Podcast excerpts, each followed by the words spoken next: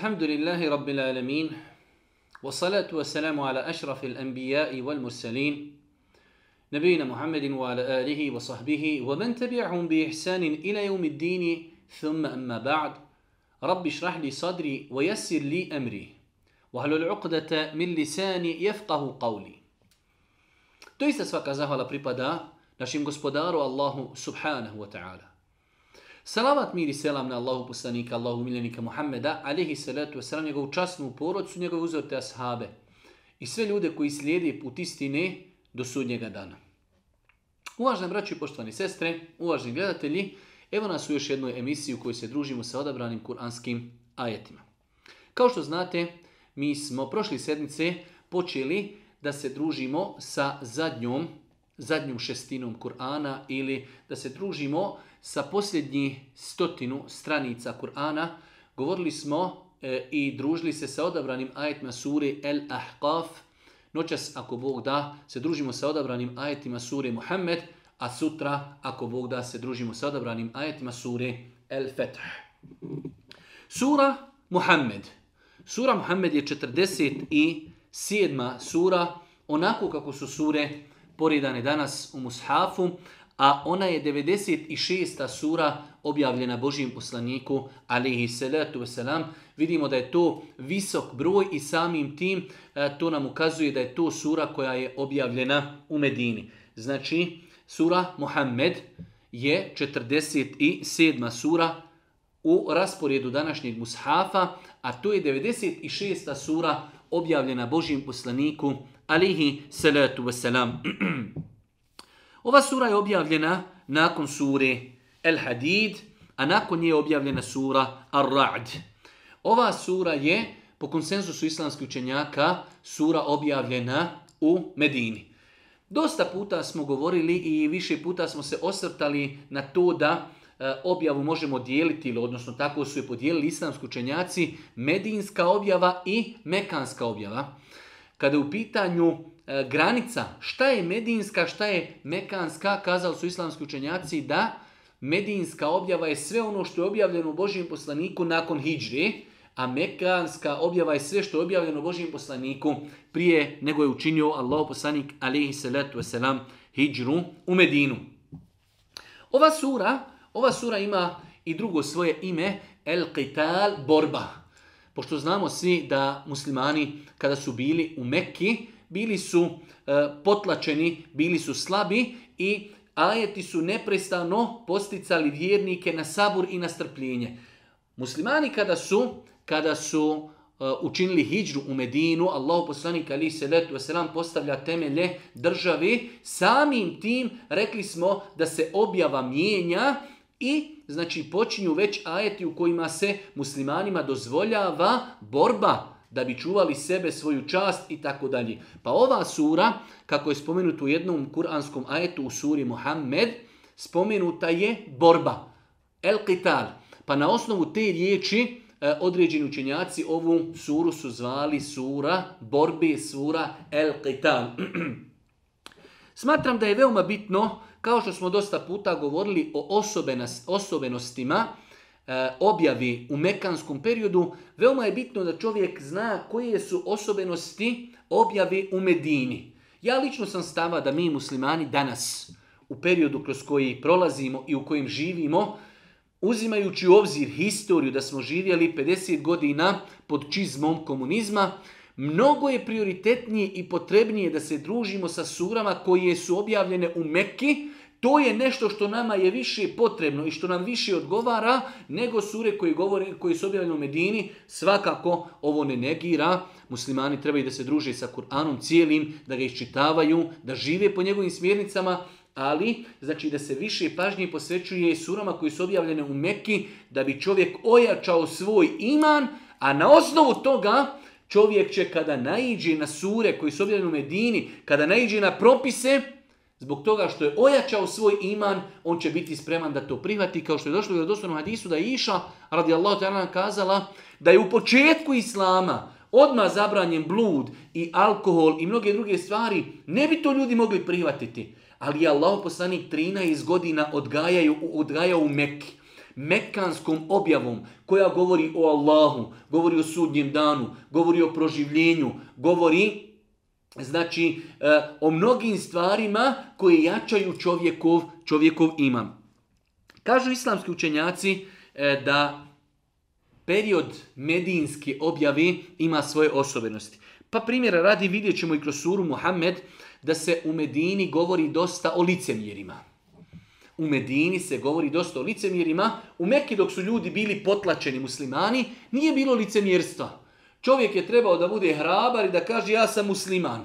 Zato što, što je na taj način bio e, podvrgavan različitim iskušenjima. Za razliku od Medine gdje se pojavilo licemjerstvo.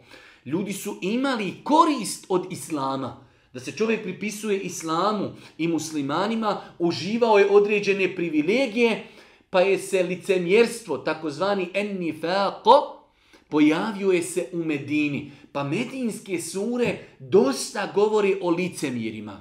Dosta govori o njihovim osobinama kako bi se razotkrili licemjeri koji e, po ispravnom satanju veću štetu nanose islamu i muslimanima nego nevjernici. Muslimani kada su u ratu sa nevjernicima, oni znaju ono je tamo neprijatelj, a ajde kažemo znamo ko je s naše strani ali u našim redovima imamo licemjere koji mogu nanijeti štetu islamu i muslimanima više nego nevjernici.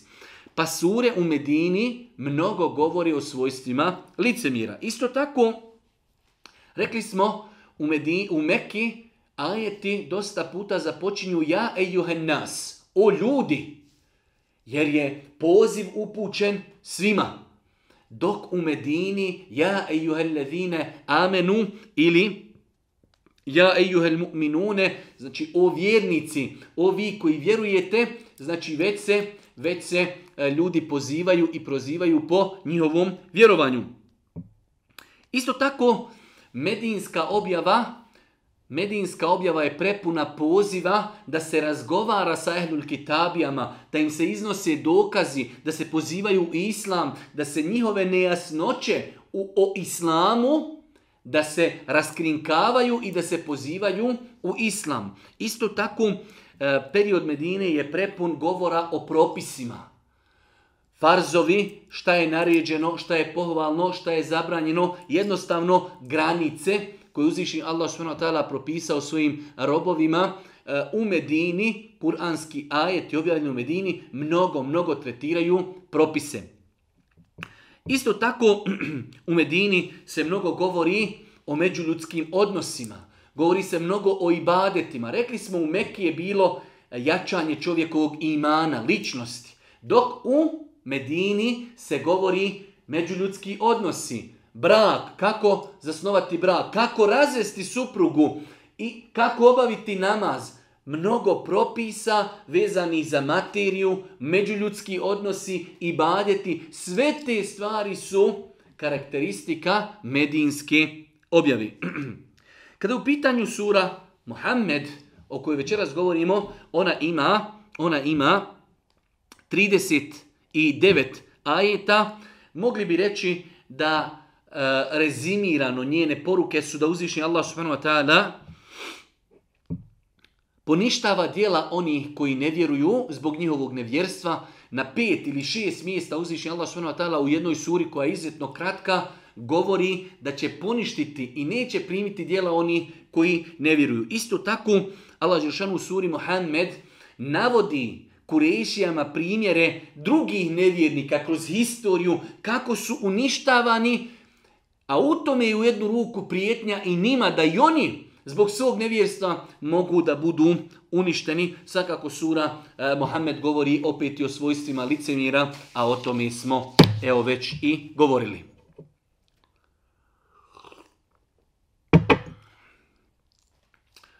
Kaže uzvišnji Allah subhanahu wa ta'ala u prva tri ajeta suri Muhammed Alladine kafaru wa saddu an Allahi أضل أعمالهم والذين آمنوا وعملوا الصالحات وآمنوا بما نزل على محمد وهو الحق من ربهم كفر عنهم سيئاتهم وأصلح بالهم Allah će poništiti dijela onih koji ne vjeruju i od puta njegovo odvraćaju. Jedna veoma bitna konstatacija, jedno kuransko pravilo, nažalost velik broj ljudi ne razumije ove stvari. Mi, vraćamo moja draga i ciljne sestre, E, moramo znati da se ljudi kod uzvišnog Allaha te barakatala dijele u dvije kategorije. Imamo vjernike i imamo nevjernike. Na dunjaluku čovjek može da bude šta hoće.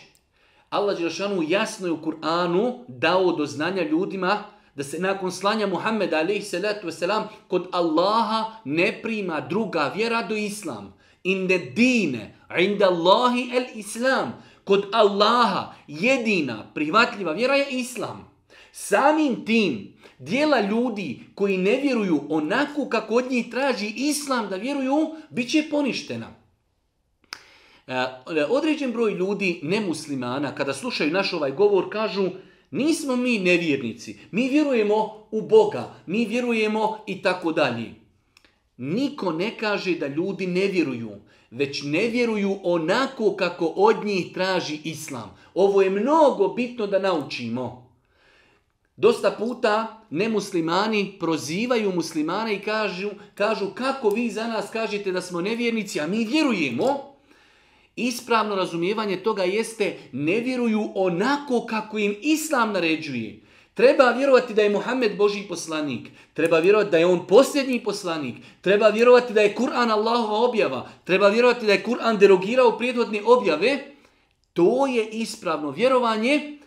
E, sve mimo toga u islamu se smatra nevjerstvo. Iako čovjek, znači, vjerovatno vjeruje u nešto. Ali po islamu on nije vjernik. Pa Allah takvim ljudima govorili smo i kroz hadise i kroz kuranske ajete neće od njih prihvatiti nikakva dobra djela. Oni su svoja dobra djela naplatili na Dunjaluku. Kroz zdravlje, kroz nafaku, kroz blagodati, kroz uživanja i oni su to potrošili. Na ahiretu njihova djela se ne troši i ne primaju. Da bi djelo bilo primljeno kod uzvišnog Allaha, moraju se ispuniti dva uvjeta, da je urađeno radi Allaha i da je urađeno u skladu sa sunnetom Božijeg poslanika, alihi salatu wasalamu. Pa kaže Allah, Allah će poništiti djela onih koji ne vjeruju i od puta njegov odvraćaju. Allah će poništiti njihova djela. Znači, neće biti prihvaćena, neće se uopšte vagati, neće se uopšte gledati u takva djela, što je velika prijetnja. Što je velika prijetnja i poziv svim nemuslimanima da razmisli o sebi.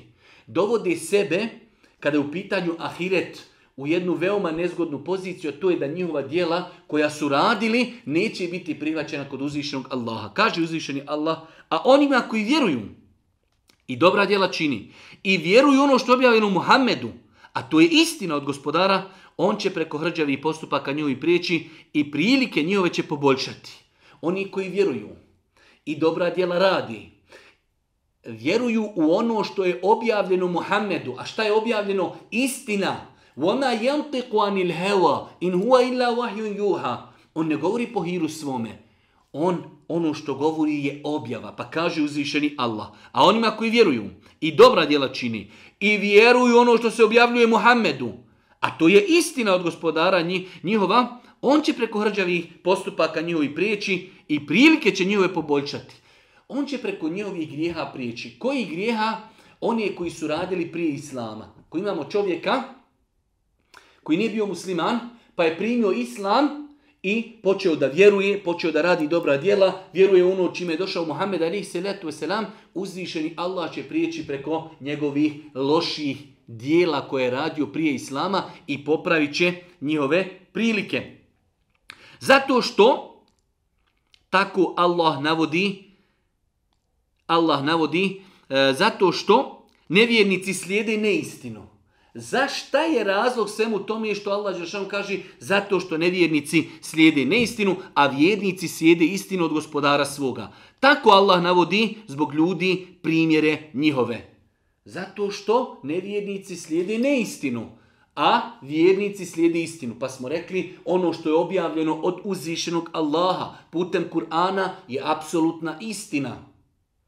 Danas nakon slanja Muhammeda alihi salatu wasalam po islamskom vjerovanju ne privata se drugačije vjerovanje osim vjerovanje u Muhammeda alihi salatu wasalam. Svi prijašnji poslanici su slati svojim narodima, a Muhammed alihi salatu wasalam je poslan cijelom čovječanstvu. Jedne prilike Boži poslanik vidio kod Omera radijallahu ta'ala vidio je papir, stranicu iz koje je čitao odlomak iste vrata, pa se Allah poslanik naljutio, uzeo je to od njega i kazao da je Musa alihi selam živ, kojim je objavljen taj vrat, ne bi mu ostalo i preostalo ništa drugo osim da povjeruju ono čime sam ja došao.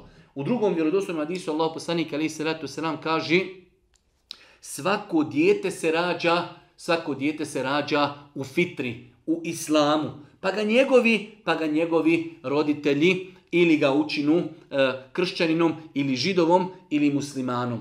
U opet trećem hadisu Allah poslani kaže neće za mene čuti niko, ni kršćanin, ni židov i ne privatiti ono čime sam došao, a da neće biti stanovnik vatri. Pa znači dolasku Muhammeda alaih salatu wasalam kod uzvišenog Allaha na sudnjem danu prima se samo Islam. Prima se vjerovanje u Allaha onako kako nam je pojasnio Muhammed alihi salatu wasalam.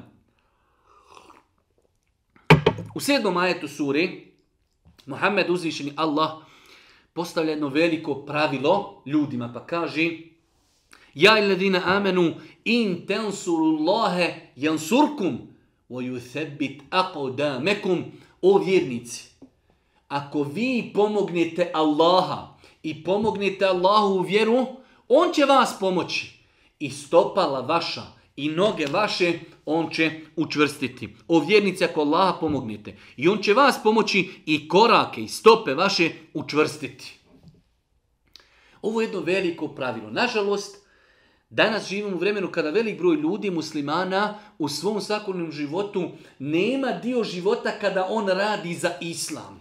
On je možda musliman, klanja pet vakata i tu je tu. Intensurullahe. Ako vi pomognete Allaha, Allah je apsolutno nepotreban nas i naše pomoći. Ako pomognete vjeru, ako pomognete sunnet, ako pomognete svojim imecima, širenjem islama, pozivanjem ljudi, Allah će pomoći vas. Vidite kako Allah nagrađuje shodno učinjenom dijelu.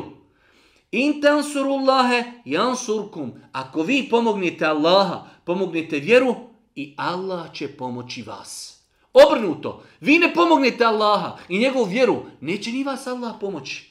وَيُثَبِّتْ أَقْدَامَكُمْ I vaše korake, i vaše stope, vaša, vaše kretanje, on će učvrstiti. Kazao je poznati mu Fesir el-Kurtubi, Allah će vas učvrstiti u islamu, u borbi, na siratu, učvrstit će vaša srca. Znači, ako vi budete pomagali Allaha i njegovu vjeru, i on će pomoći vas i učvrstit će vas i u islamu, i u borbi, i na siratu, i vaša srca. Sve to poduhvata ova riječ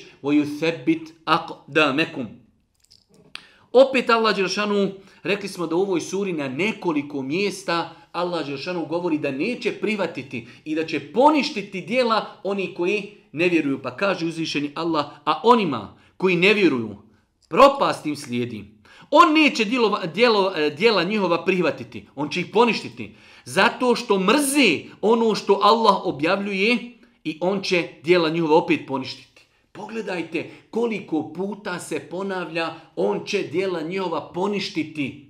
Subhanallah il kako je to teška prijetnja. Čovjek živi 20, 30, 50 godina, uradi u svemu tome i dobrih dijela, ništa ne troši se, jer nije bilo ni jedinici. Jer mi možemo dodavati nule koliko hoćemo na neki broj, ako ispred nemamo jedinicu, taj broj nema svoju težinu. Ta jedinica je la ilaha illallah, ulaz u islam. Kada čovjek kaže la ilaha illallah, to je jedinica. Kada god uradi drugo dobro dijelo, dodaju se nule.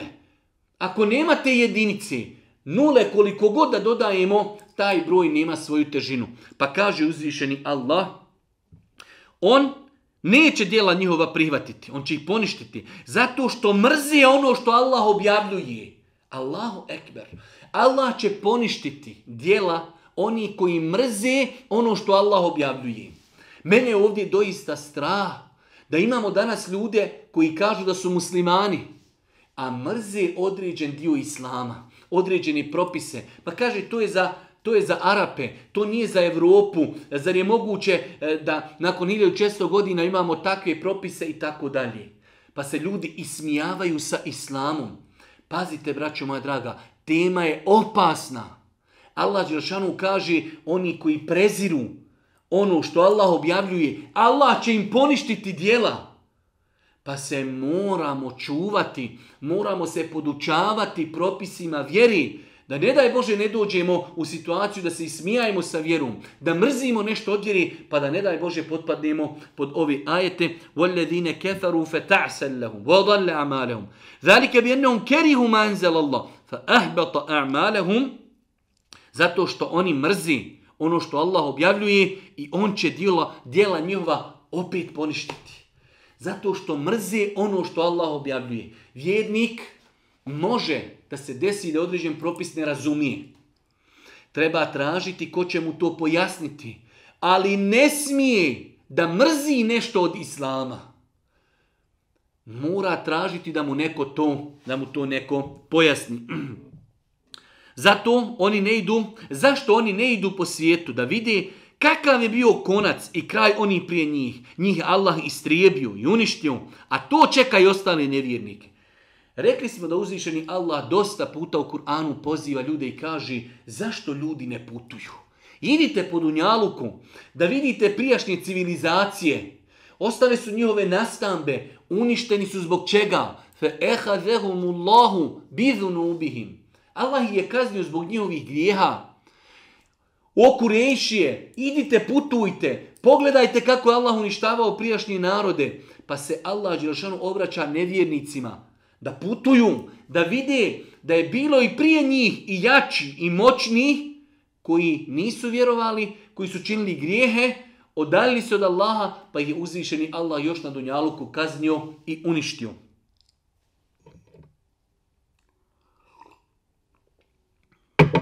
Kaže uzvišeni Allah subhanahu wa ta'ala u 13.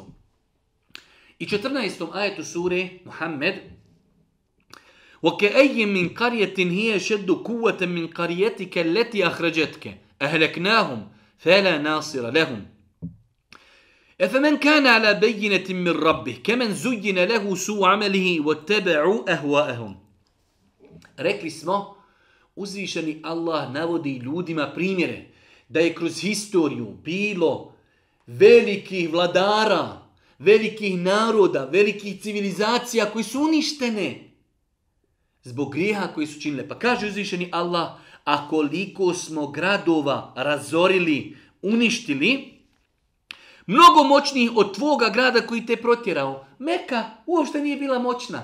Protjerali su ali i selam pa kaže Allah Žešanu koliko smo mi gradova i naroda i civilizacija koji su bili jači od tvog grada, mi smo njih uništili. Mnogo nam je lakše tvoj grad uništiti i nije bilo nikoga da im pomogni. Zar je onaj koji ima jasne dokaze o gospodaru svome, kao onaj kome se lijepim čine ružna djela njegova i koji se za strastima svojim povodi. Pita uzvišeni Allah i začuđuje se. Jesu li isti oni koji jasno vjeruju u Allaha, imaju jasne dokaze i oni drugi kojima se lijepim čine ružna djela. On radi grijeha, misli da uradi nešto lijepo i slijedi strasti svoje.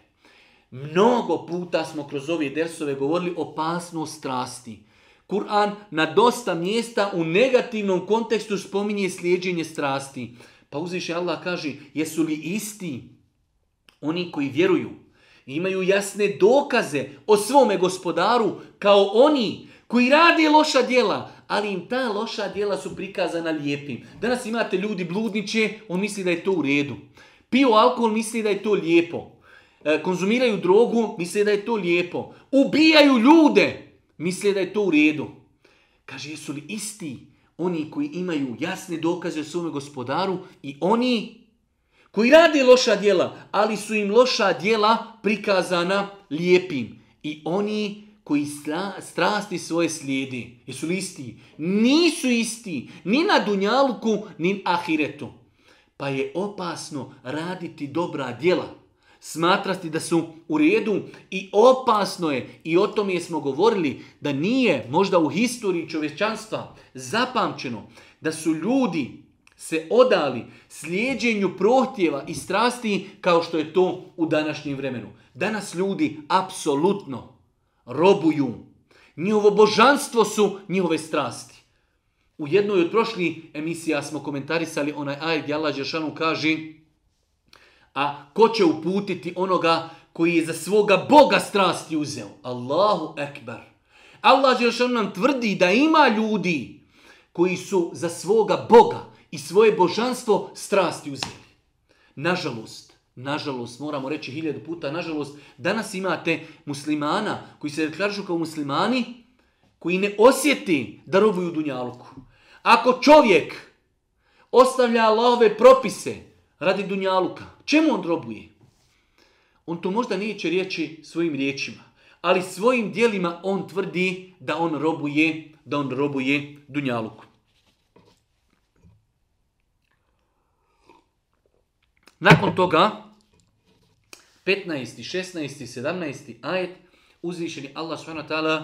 govori o nagradi onih koji zasluže džennet i određenim blagodatima koji su obećane džennetljama. Kaže uzvišeni Allah s.w.t. Zar je džennet koji je obećan onima koji se Allaha boje Methelul dženneti leti vu'idel muttaqun. Zar je džennet kojeg smo obećali bogobojaznima? Džennet je, braćo moje drage i sestre, Allah na više mjesta u Kur'anu obećao onima koji se Allaha boji. Šta znači bojati se Allaha? Znači poštovati njegove granice. Ako je nešto naređeno, mi to činimo. Ako je nešto zabranjeno, mi to ostavljamo.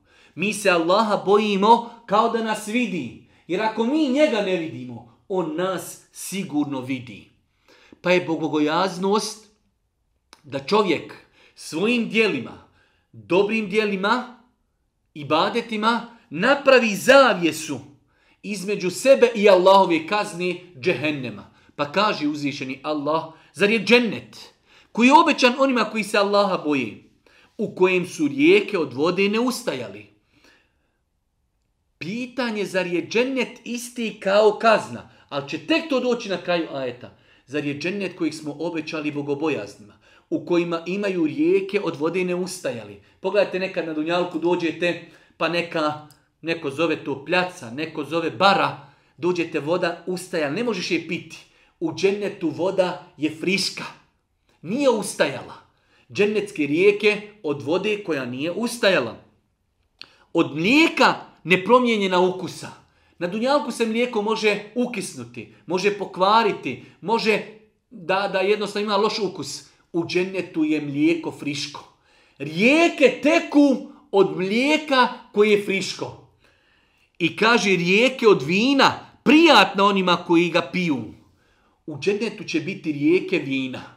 Ali to je samo ime. Kao što kaže Ibn Abbas, mnoge stvari u džennetu imaju samo ime Dunjalučku. To vino je prijatno. Od njega se ne manta, ne boli i glava kao što je Dunjalučko vino i rijeke od meda procijeđenog. Rijeka gdje teče med, ali pazite, oni koji znaju šta je med, znaju kako u medu zna biti razno raznog trunja, razno raznih stvari koje uprljaju med, a u džennetu su rijeke meda, ali je to procijeđen, čist med. Pa nastavlja Allah Žešanu i gdje ima voća svakovrsnog. I oprost od gospodara njihova. Zar je to isto što i patnja koja čeka one koji će u vječnoj vatri boraviti? Koji će se uzavrelom vodom pojiti koja će im cijeva kidati? Allahu ekber. Allah počni ajeti i kaže zar je isti džennet i završa je zar je isti džennet i patnja u džehennemu oni koji će piti uzavrelu vodu koja će crijeva njihova kidati. Jel to isto? o Allahovi robovi, još smo na Dunjaluku. Naša najveća investicija jeste što još imamo mogućnost da odaberemo put dženneta ili put džehennema. Put dženneta rijeke friške vode, rijeke friškog mlijeka, rijeke ugodnog vina, rijeke procijeđenog meda i razno razni plodovi. I oprost gospodara, je li to isto i vječnu prženje i kažnjavanje u džehennemu i pijenje vrele kućine od koje pucaju crijeva. La ilaha illallah. Je li moguće da neko ostavi ovi blagodati? Da mu je teško klanjati namaz, postiti mjesec Ramazan, nositi hijab, ostaviti kladionice da bi dobio ova sva vječna uživanja. Pa kaže uzvišeni Allah, Zar je to isto što i patnja koja čeka one koji će u, vječ, u vatri vječno boraviti? Je li isto uživati u rijekama mlijeka i meda i vina i vječno se patiti i kažnjavati u džehennemu? Gdje će piće biti uzavrela voda od koje će se kidati čovjekova crijeva. Pa nastavlja uzvišeni Allah i kaže ima oni koji dolaze da te slušaju o Muhammede, licemiri. Rekli smo da medijinske sure govori o licemjerima. Nisu mogli, dolaze kod poslanika, ali nisu mogli da ne dolazi. Tada bi se razotkrili. Ali kada dođu ništa ne razumiju. Pa kaži, ima oni koji dolaze da te slušaju. A čim se od tebe udalje, Pitaju oni kojima je dato znanje šta ono on malo prije reče. I smijavaju se, ništa ne razumiju. Poslanik priča o vjeri, oni ne razumiju. Kad iziđe od poslanika, kaže, šta je no malo prije vajzio? Šta je rekao? I smijavaju se. Šta no on malo prije priča? Kao kada je Boži poslanik, kada je bila bitka u Medini, na Hendeku, pa Boži poslanik kada je sišao da razbije one pećine dole u Jarku, pa je obećao muslimanima, kaže, mi ćemo ako Bog da u budućnosti osvojiti Jemen i osvojit ćemo Šam i osvojit ćemo Irak. Pa su došli licemjeri i kažu mi ne možemo otići u WC da obavimo fiziološku potrebu, on nama obećava Jemen i obećava nam Irak i Šam i tako dalje. Pa se oni ismijavaju sa govorom Božijeg poslanika pa kaže Allah Žešanu ima onih koji dolaze da te slušaju. A čim se od tebe udalje pitaju oni kojima je dato znanje šta on ono malo prije reče? To su oni čija srca je Allah zapečatio i koji se za strastima svojim povodi. Opet strasti. To su oni čija srca je Allah zapečatio. Ne može u njih uputa ući. Zašto? Grijesi. Neiskreni. Mi smo više puta rekli. Nemoguće.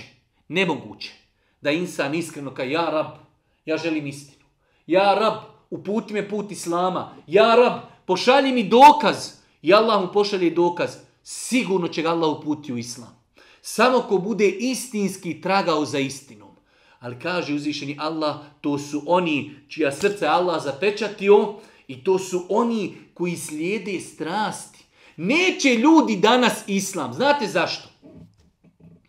Zato što islam će njima uskratiti njihov hajvanski život. Ovo je najbolja definicija. Neće ljudi islama zato što će im islam uskratiti njihov hajvanski život. Danas imate na planeti milione ljudi koji rade stvari koje životinje i hajvani ne radi. Hajvani se, imate dokazano emisije o hajvanima koji se stide određenih stvari. Dok insan kojim je Allah dao razum da može spoznati svoga gospodara, spusti se svojim riječima, svojim oblačenjem, svojim postupcima na nivo niži od nivoa hajvana. Zato ljudi neće islam. Hoće da budu robovi svojih strasti. Šta god šeitan zovni, šta god strasti zinu, eto me daj. Nema halal, nema haram. Mora biti halal i haram. Moraju biti granice. Kako bi znali ko je pokoran, ko je nepokoran kada nam ljudi nekad kažu pa i to je Allah stvorio. Da, Allah je stvorio svinjetinu, ali je nama ta svinjetina zabranjena. Da se vidi ko će poštovati, ko neće poštovati. Kada određene stvari kažete zabranjen duhan, pa kaže Allah je stvorio duhan. Da, stvorio duhan da bi bio nama iskušenje. Nemojte sebi dozvoliti da se neko igra s vašim mozgom, sa vašim razumom. Pa kaže to je Allah stvorio. I alkohol je Allah stvorio. Je li alkohol dozvoljen? Nije. Pa se nemojte igrati sa tim. Ima ljudi koji bi koji robuju svojim strastima. Pa i ovdje Allah Žešanu ponovo opisuje i kaže to su oni čija srca je Allah zapečatio i koji se za strastima svojim povodi. Strasti su danas najveći izazov čovječanstva. Kaže uzvišeni Allah u ovim ajetima, a oni koji su na pravom putu, na istini Islama, on će im povećati njihovu upotu i nadahnut će ih kako će se vatrije sačuvati, odnosno kako da budu bogobojazni. Dvije stvari, kaže uzvišeni Allah, oni koji vjeruju, Allah će im njihovu hidajet i uputu povećavati. A isto tako, on će ih uputiti putu da idu putem bogobojaznosti koji vodi zadovoljstvu uzvišenog Allaha subhanahu wa ta'ala.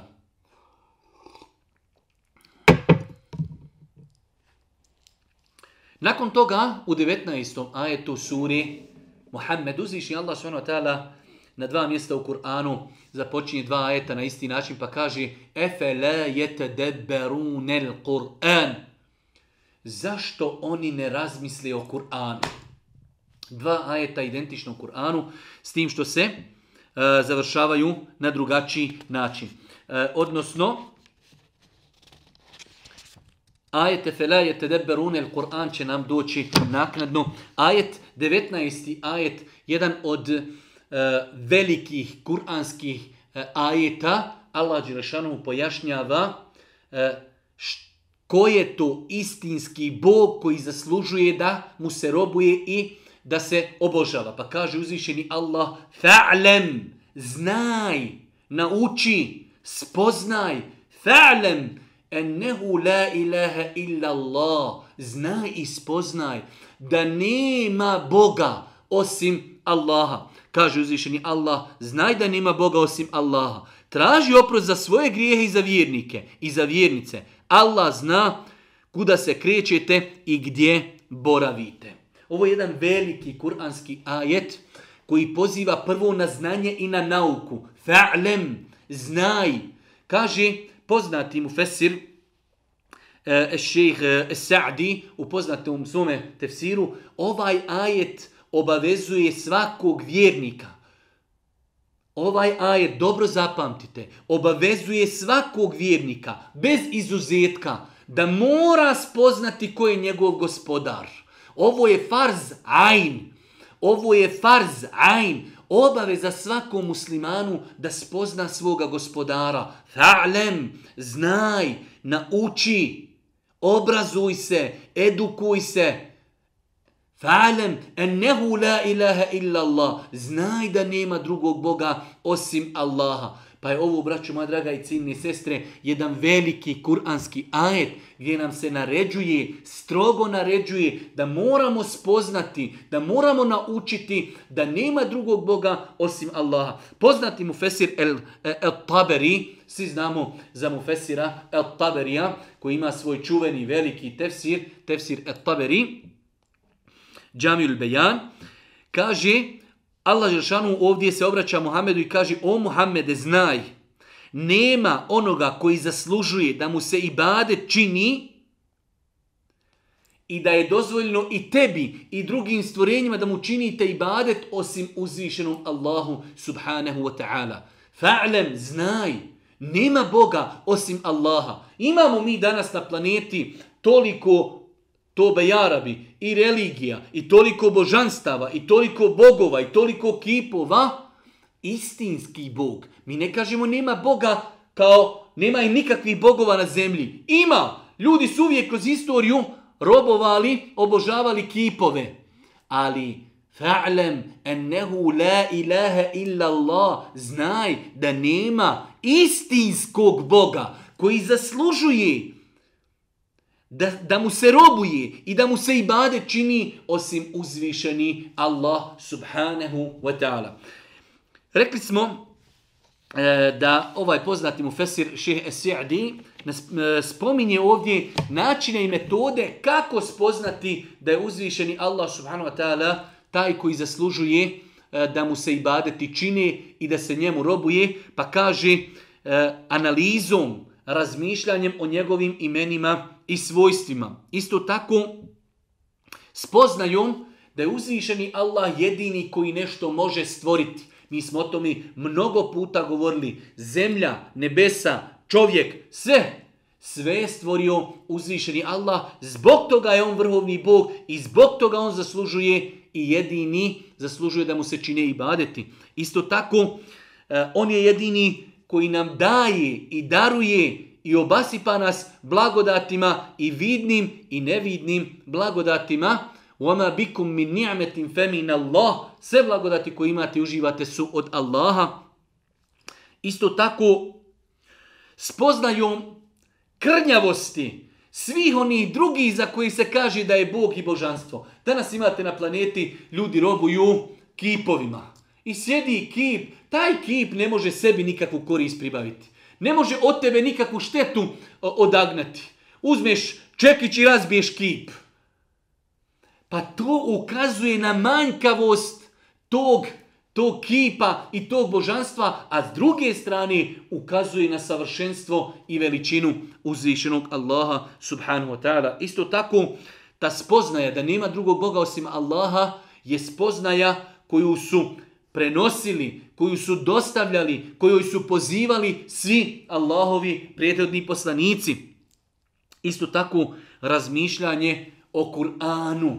Generalno, jedan od ciljeva ovih naših dersova i predavanja jeste da potaknemo ljude na razmišljanje, da se druži sa Kur'anom, da uzimaju propise iz Kur'ana, da se odgajaju sa Kur'anom, da žive sa Kur'anom, da praktikuju kur'anske smjernice u svakodnevnom životu.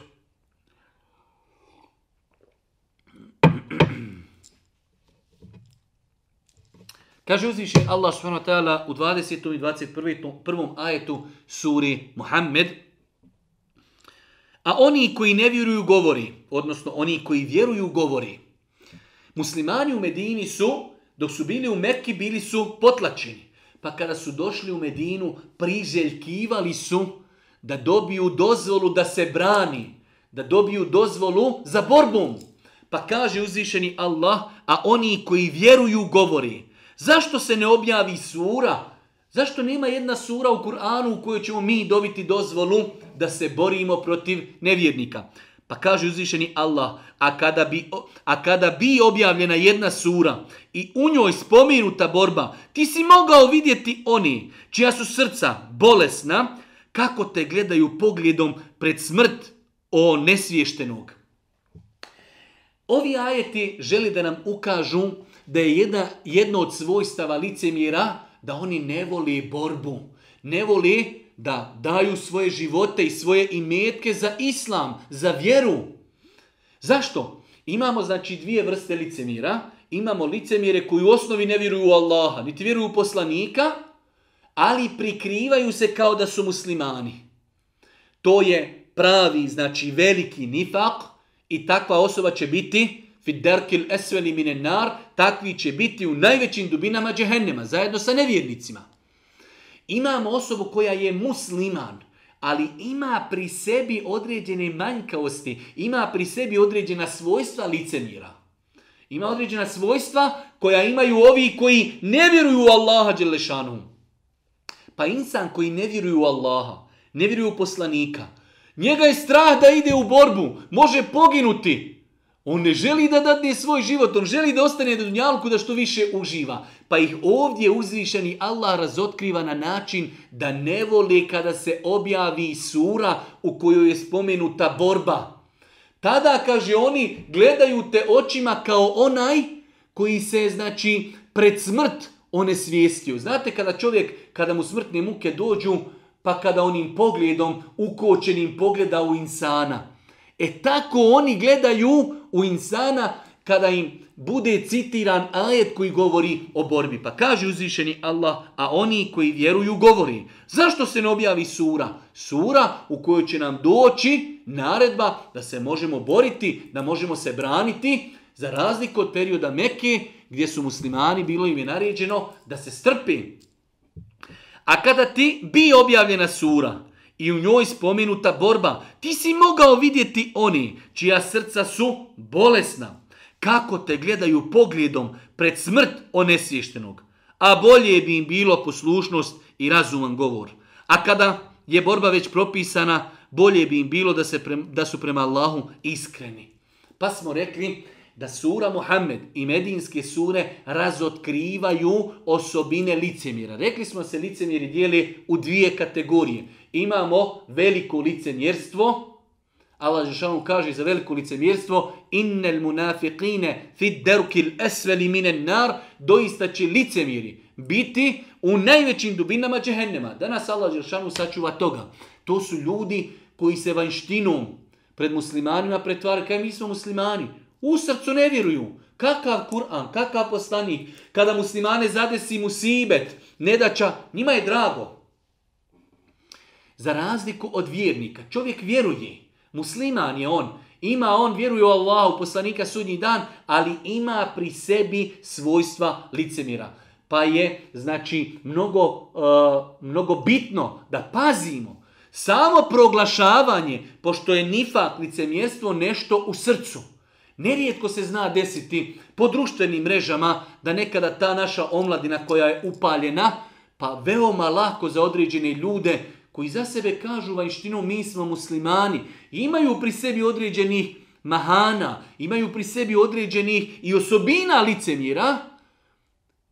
ovo su, ovo su licemjeri i tako dalje. Insan se mora paziti proglašavanje ljudi nevjernicima i licemjerima je veoma, veoma opasna stvar i znamo kada smo ovdje komentarisali Rijadu Salihin kroz hadise koliko je opasno da čovjek se poigrava sa temom proglašavanja ljudi nevjernicima i licemjerima. Jer se može desiti da je čovjek vjernik, ali ima pri sebi osobine licemira. Pa ga mi zbog tih osobina, ne daj Bože, proglasimo licemirom.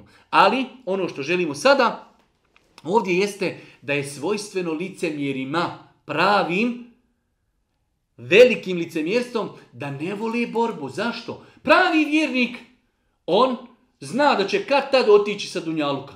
I ako pogine u borbi, on je poginuo na najbolji mogući način u islamu da bude šehi. Dao je svoj život za Allaha njegovu vjeru. Dok ovi ne vjeruju u Boga, ne vjeruju u sudnji dan, pa zato oni ne vole, ne vole borbu.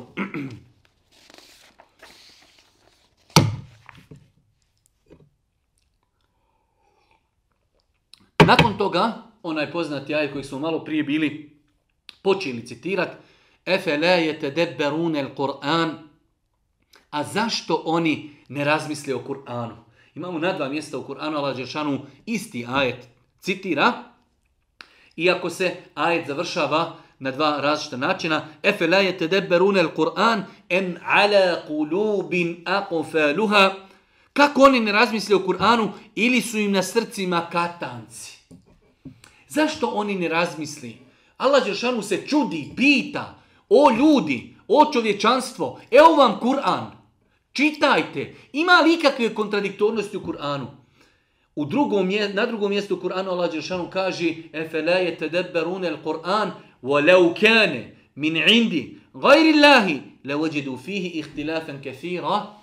Zašto oni ne razmisle o Kur'anu, a da je Kur'an od nekog drugog, a ne od Allaha? Oni bi u tom Kur'anu našli mnogo kontradiktornosti. Pa Allah se čudi. O ljudi, zašto ne razmislite o Kur'anu? Kur'an je izazvao čovječanstvo da smisli jednu suru, pa se nisu odazvali. Zašto ne razmislite? Kur'an prije 1600 godina govori o kosmosu, o nastanku zemlji, nebesa, o planinama o morima, o rijekama. Danas tehnologija, medicina, nauka, svi potvrđuju kuranske, kuranske tačnosti. Nema, nemoguće, nemoguće da dođe nauka i da kaže e ovo u Kur'anu nije tačno. Nemoguće. Zašto? Jer je to govor uzvišenog Allaha. Pa braću moja draga, Ovaj ajet je upućen i nemuslimanima i muslimanima. Zašto oni ne razmišljaju o Kur'anu? Kur'an je objavljen između ostalog da bi ga učili, ali i da bi razmišljali o njemu, da bi se odgajali, da bi živjeli. Sutra kada iziđem na pijacu, kada sam na poslu, kada imam problem sa komšijom zbog zemlji, zbog međe, da se sjetim onog kuranskog ajeta kojeg sam jučer čitao, da je zabranjeno varati, da je zabranjeno zulum činiti i tako dalje. Da živimo Kur'an, da se odgajamo, da se odgajamo kur'anskim smjernicama.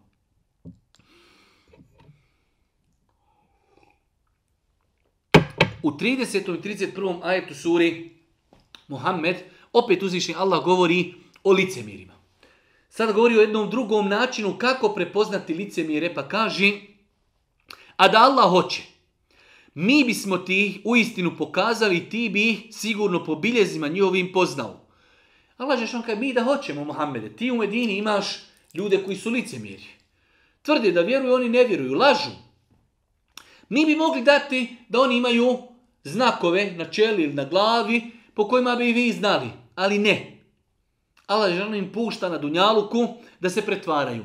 Ali da vidimo kako ćeš ih poznati, kaži ali ti ćeš ih poznati po načinu govora njihova. A Allah zna postupke vaše.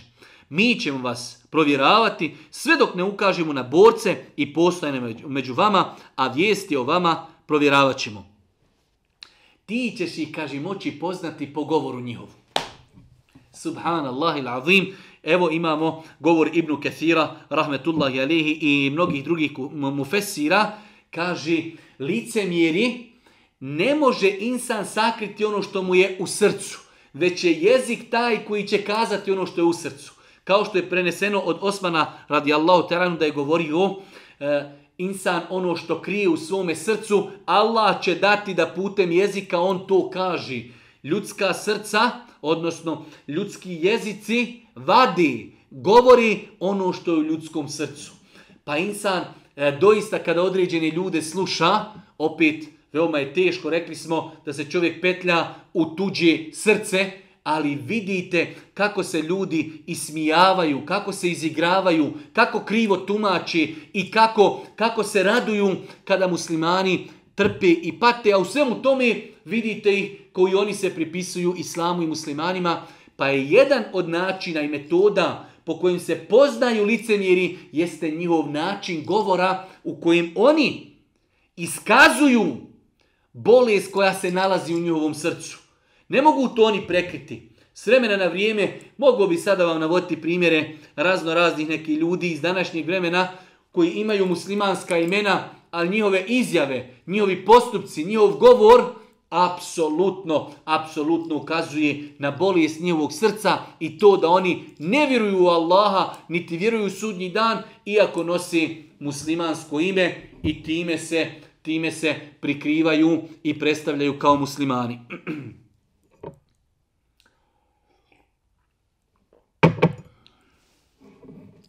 Kaže uzvišeni Allah nakon toga u 32. 3. i 4. ajetu opet oni koji ne vjeruju i od Allahova puta odvraćaju koji su poslaniku, poslanikovi protivnici kada im je već postao jasan pravi put zaista neće nimalo Allahu nauditi. Oni koji ne vjeruju i od Allahova puta odvraćaju i koji su poslanikovi protivnici. Kada im je već postala jasan pravi put, zaista neće nimalo Allahu nauditi. Ne može insan Allahu ničim nauditi. Vidjet ćemo poslije, ko vjeruje, vjeruje zbog sebe. Ko škrtari, škrtari na, na svoju štetu. Pa ljudi nevjerovanjem, grijesima, ne mogu ništa naštetiti uzvišenom Allahu subhanahu wa ta'ala. On će dijela njihova poništiti. Opet, oni koji ne vjeruju, on će njihova dijela poništiti. Na četiri ili pet mjesta u jednoj suri, u četiri stranice, Allah Žešanu kaže da će poništiti dijela onih koji ne vjeruju u uzvišenog Allaha. O vjernici, pokoravajte se Allahu i poslaniku i ne ništite dijela svoja. Allahu ekber. Allahu ekber. Kako nam je danas u ovim predizbornim kampanjama potrebno da čuvamo svoja djela? O vjernici, pokorte se Allahu i poslaniku i nemojte uništavati svoja djela. Gibetom, jezikom, potvorom, grijesima, pretvaranjem, rijalukom. Tako su to protumačili mufesiri Kur'ana o vjernici. Pokorite se Allahu, to je put uspjeha. Pokorite se poslaniku, to je put uspjeha. Vola tubtilu Nemojte kvariti i uništavati svoja dobra djela. Ne daj Bože, nemoj da otpadnete od vjeri. Nemoj da učinite širk i kufr.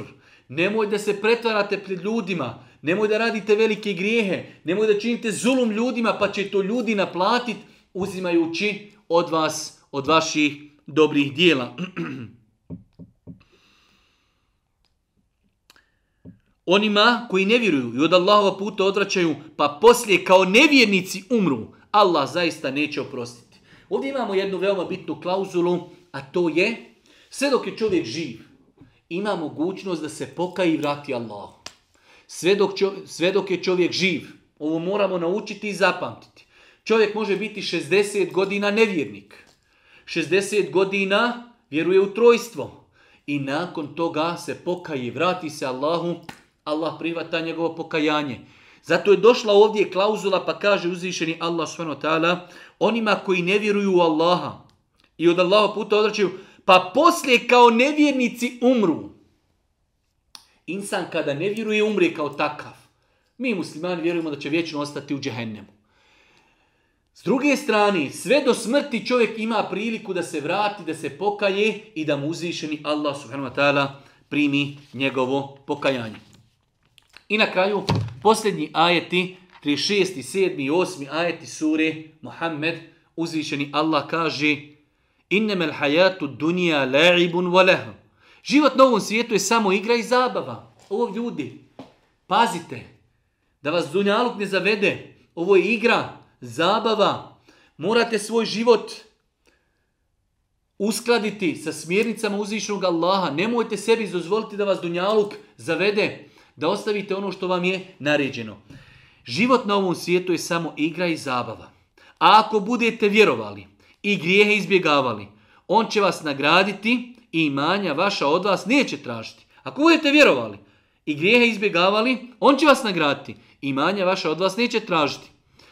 Ako bi ih od vas i tražio, prema vama uporan bio, postali biste škrti i on bi učinio vidljivim vaše mržnje.